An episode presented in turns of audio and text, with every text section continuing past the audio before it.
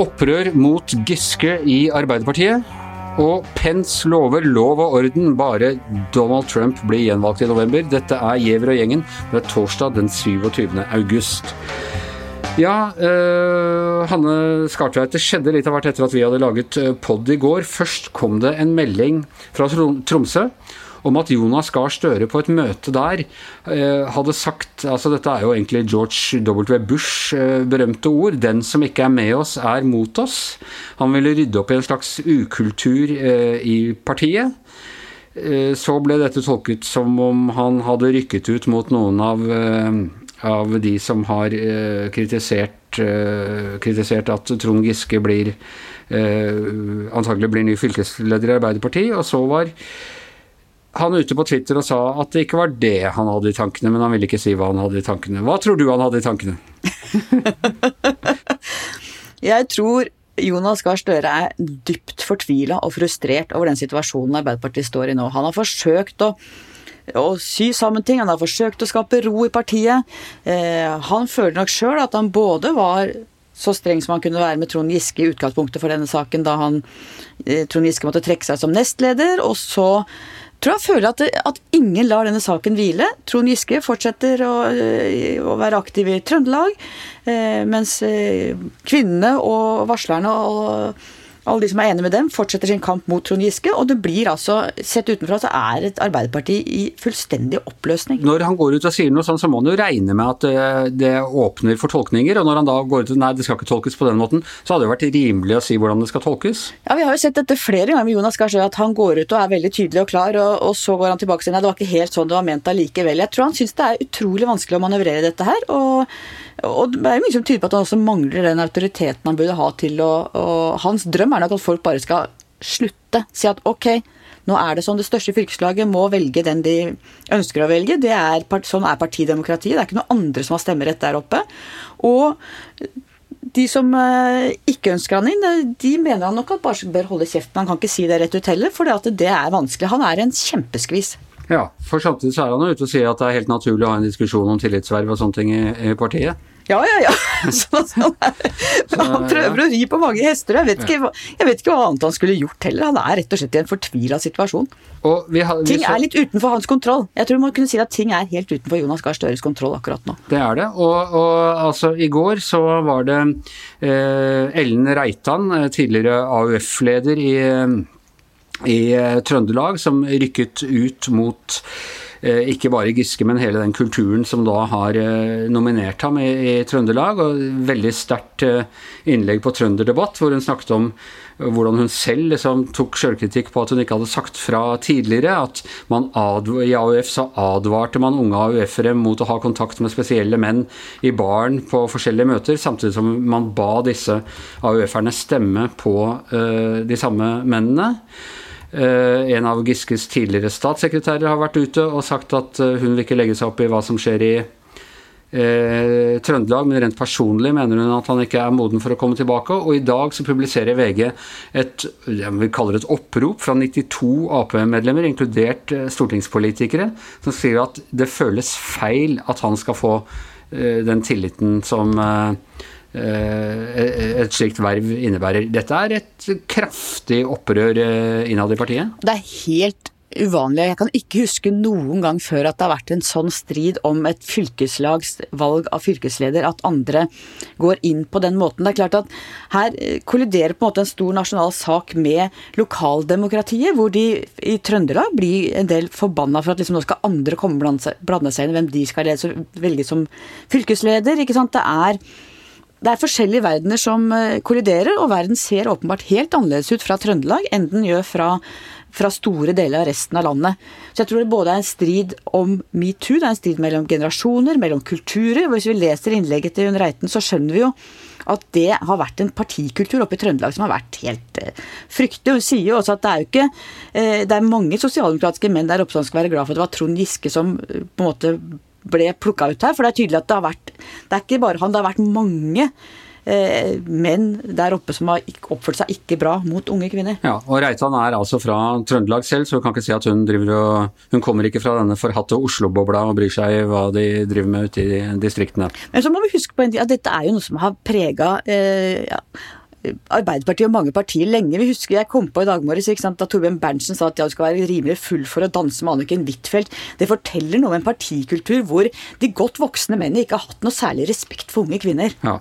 Nei, og det har, det har, hengt igjen, og det gjelder vel kanskje i den politiske kulturen uh, i det hele tatt, ikke, ikke bare i uh, Arbeiderpartiet, men nå, nå kommer det altså til, til overflaten der. og Eh, hva tror du? Blir Giske valgt på lørdag? Ja, Mye tyder på det, men det vi skal huske på, å si én ting til, Anders, det er at metoo har jo vært en kulturell endring nettopp i de tingene vi snakker om nå.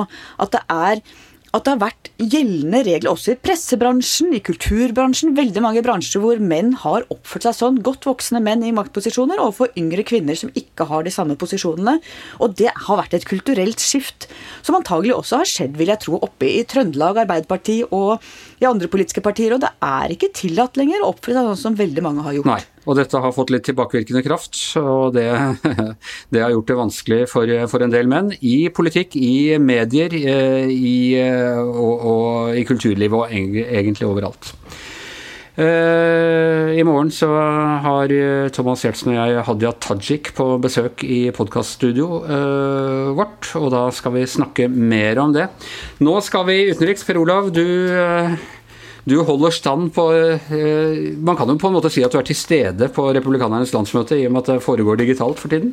Det er vel så nærme vi klarer å komme akkurat nå, sånn som situasjonen er. Vi prøver, prøver etter beste evne, ja. Hjemmefra. Mm. Og nå var det altså Mike Pence, eh, Donald Trumps lojale visepresident som var hovedattraksjonen eh, i natt. og Hva hadde han å fortelle? Ja, Han er jo nærmest selvutslettende lojal, vil jeg si, men det er jo, ikke, det er jo sånn en visepresident skal være, vel.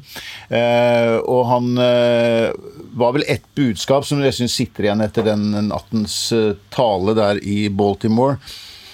Og det var dette med lov og orden, og at amerikanerne eh, Dere vil ikke være trygge hvis Joe Biden blir president. Det var jo det klare budskap han kom med. Dette er jo en litt sånn eh, risikabel eh, kommunikasjon, fordi det ser jo ikke ut som Altså Hvis eh, Trump og Pence nå mener at eh, lov og orden går over styr nå, så virker det kanskje ikke som de har helt kontroll, de heller? Det er jo opptøyer og plyndring og jeg vet ikke hva over eh, i mange amerikanske storbyer. Det er jo nesten som om de er i opposisjon, at det er de som driver kampanje mot uh, sittende, sittende, en sittende regjering eller en sittende president. Altså, det er jo nå dette skjer, på Donald Trumps vakt. Um, at um, det er store demonstrasjoner. Og det er jo et komplisert bilde, dette også. For det man har sett nå i Wisconsin, der, um, i den byen hvor denne Eh, hvor en svart mann ble, ble skutt i ryggen eh, her eh, på søndag, var det vel. og så har det vært demonstrasjoner etterpå. og så har det da vært kommet andre grupper til, altså militsgrupper. det har vært kampanjer på sosiale medier. Kom hit. og, og, og beskytt eiendom og beskytt borgere osv. Og, så skjedde det da at to mennesker ble skutt, altså to demonstranter ble skutt og drept. Og nå har man altså arrestert en 17 år gammel ung mann for litt uklare omstendigheter hvordan, om man kan plasseres blant disse gruppene, eller hva han gjorde der, men det, han er i hvert fall arrestert og siktet. da. Trump skulle jo holde tale hver dag på konventet. og han, var han frampå i natt? Nei, jeg så ikke noe til uh, Trump uh, i natt. Han hadde valgt nok en litt mer til, uh, valgte faktisk å gi Pence hovedarenaen nå. Han skal jo komme tilbake. Ja, Raust fra den kanten. Veldig, men han bygger jo litt opp forventningene før den finalen, da, den store finalen. Med fyrverkeri og det hele til natten, som skal avslutte alt. Da skal han jo holde sin tale. Og det blir interessant da, å se. Nå har vi hørt på en måte, Det har jo vært veldig mange forsøk på å bygge opp eh, historien om Trump og, og, og, liksom gi en slags lys visjon av både alt han har oppnådd og hva som skal komme i neste fire årene. Samtidig som det har vært veldig sånne mørke og dystre visjoner om alt som vil gå galt hvis, de, hvis, hvis man mot formodning ikke skulle ønske dette her. Og eh, om han da velger lys eller mørke i morgen det, eller i natt, da, det blir interessant å se. Ja. Eh, gråt elskede land, Hanne. Det er, ikke noe, det er ikke noe hyggelig å se dette her. Nei, det er ikke det. Og vi er jo, alle vi som sitter her nå er veldig glad i Amerika. Eh, det som gir meg trøst i tunge stunder, er at USA alltid har vært et selvkorrigerende eh, samfunn. De har av og til gått altfor langt ut. De internerte alle japanere under annen verdenskrig. De har gjort veldig mange uheldige ting, men de kommer seg alltid inn igjen. Altså De går for langt i en retning, og så korrigerer de seg inn. Og det vil jeg jo håpe og tro at de gjør denne gangen òg. Vår, uh, vår, gode kollega Roar Hagen pleier alltid å uh, sitere Leonard Cohen på 'You will not like what's coming after America'. Jeg føler i mørke stunder at vi er litt der. Vi er på det der som kommer etter Amerika. Det er klart Kina jo, tar jo stadig mer plass på den globale arenaen. Uh, og det syns jeg er veldig skummelt. Og det er jo en av de få tingene som både demokratene og republikanerne er enige om. Trusselen fra Kina. Mens Europa og Norge har jo vært mye mer ettergivende, og Norge med denne avtalen vi har inngått med kineserne, hvor vi har nærmest frasagt oss muligheten til å kritisere og legger oss langflate.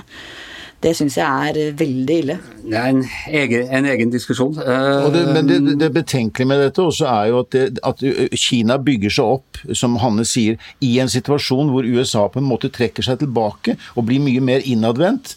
Og hvor, den, hvor Trump har trukket USA ut av mange internasjonalt samarbeid, internasjonale samarbeidsfora, viktige internasjonale institusjoner og avtaler, og, og søkt på en måte mange konflikter med de som vanligvis er nære allierte. Så det, er, det, det virker forsterkende. Um, gjensidig forsterkende. Kina bygger seg opp, USA har nok med seg selv. og Det er veldig, veldig betenkelig og ganske skremmende tanke. Men er redningen å velge Biden, eller er, er noe ødelagt eh, som ikke kan repareres igjen? Jeg tror, er, jeg tror ting er mulig å reparere, Anders. Jeg tror alltid ting er mulig å reparere. Hva tror du, Per Olav? Ja, og det som blir interessant nå, er jo å se på en måte hva vi vet jo egentlig ikke Det har vært egentlig lite snakk om hva Biden da eventuelt vil representere. Hvor man forventer at det skal bli en slags sånn tilbake til hvordan det var i Obamas tid. Eh, men det er jo en interessant Vi må se. Jeg tror jo at den konflikten som USA har med Kina, den, er, den handler ikke så mye om partipolitikk. Jeg tror det er kommet for å bli. Det kommer til å bli den store internasjonale dragkampen i, i årtier framover. Men jeg tror nok at Biden sier sier i hvert fall at han vil legge stor vekt på å gjenoppbygge vestlig allianse og USA, USAs plass da, i et mer tradisjonelt verdensbilde. Så får vi se hva som eh, skjer om han får muligheten. Jeg må si at eh, der er jeg, der er jeg tilbøyelig til å være enig med Donald Trump jr. Han er Biden er litt sånn Loch Ness-monster som dukker opp innimellom og, og forsvinner igjen. Og det er mulig det er smart valgkampstrategi å liksom ikke ikke slåss om spaden når en annen fyr graver sin egen grav, men, øh, men, jeg har litt begrensede forhåpninger til hva et Selv om han skulle vinne dette valget, hva han kan klare å gjenopprette. Uh, kunne godt tenkt meg noe mer offensiv forklaring på, på hva han skal gjøre. Men nå jo, har jo Joe Biden alltid vært en veldig internasjonalt orientert president. Jeg er ikke i tvil om at han vil gjenoppta, som Per Olav sier, USAs plass i internasjonale bildet. Vil gå inn igjen i alle disse internasjonale samarbeidsavtalene og andre ting som Trump bare har eh, snudd ryggen til. At vi vil se Og, og Joe Biden har også vært mye mer vendt mot Europa. sånn at jeg har jo både håp og faktisk tro på at med Joe Biden så vil USA i hvert fall ta tilbake, forsøke å ta tilbake noe av sin gamle rolle ute ja, i verden. Det er von i hangende snøre. Eh, og med, med den litt positive eh, vrien fra Hanne eh, Hanne som er fasiten i denne podkasten, det har vi fra meget, eh, meget, gode utenforstående kilder. Så takker eh, vi for i dag. Hanne Skartveit, Per Olav Ødegaard, Anders Giæver og vår produsent Magne Antonsen, som jeg i dag ikke klarte å finne på noe gøyal tittel til. Vi høres... Det er første gang, Anders. Ja, første gang for lenge. Vi høres igjen i morgen.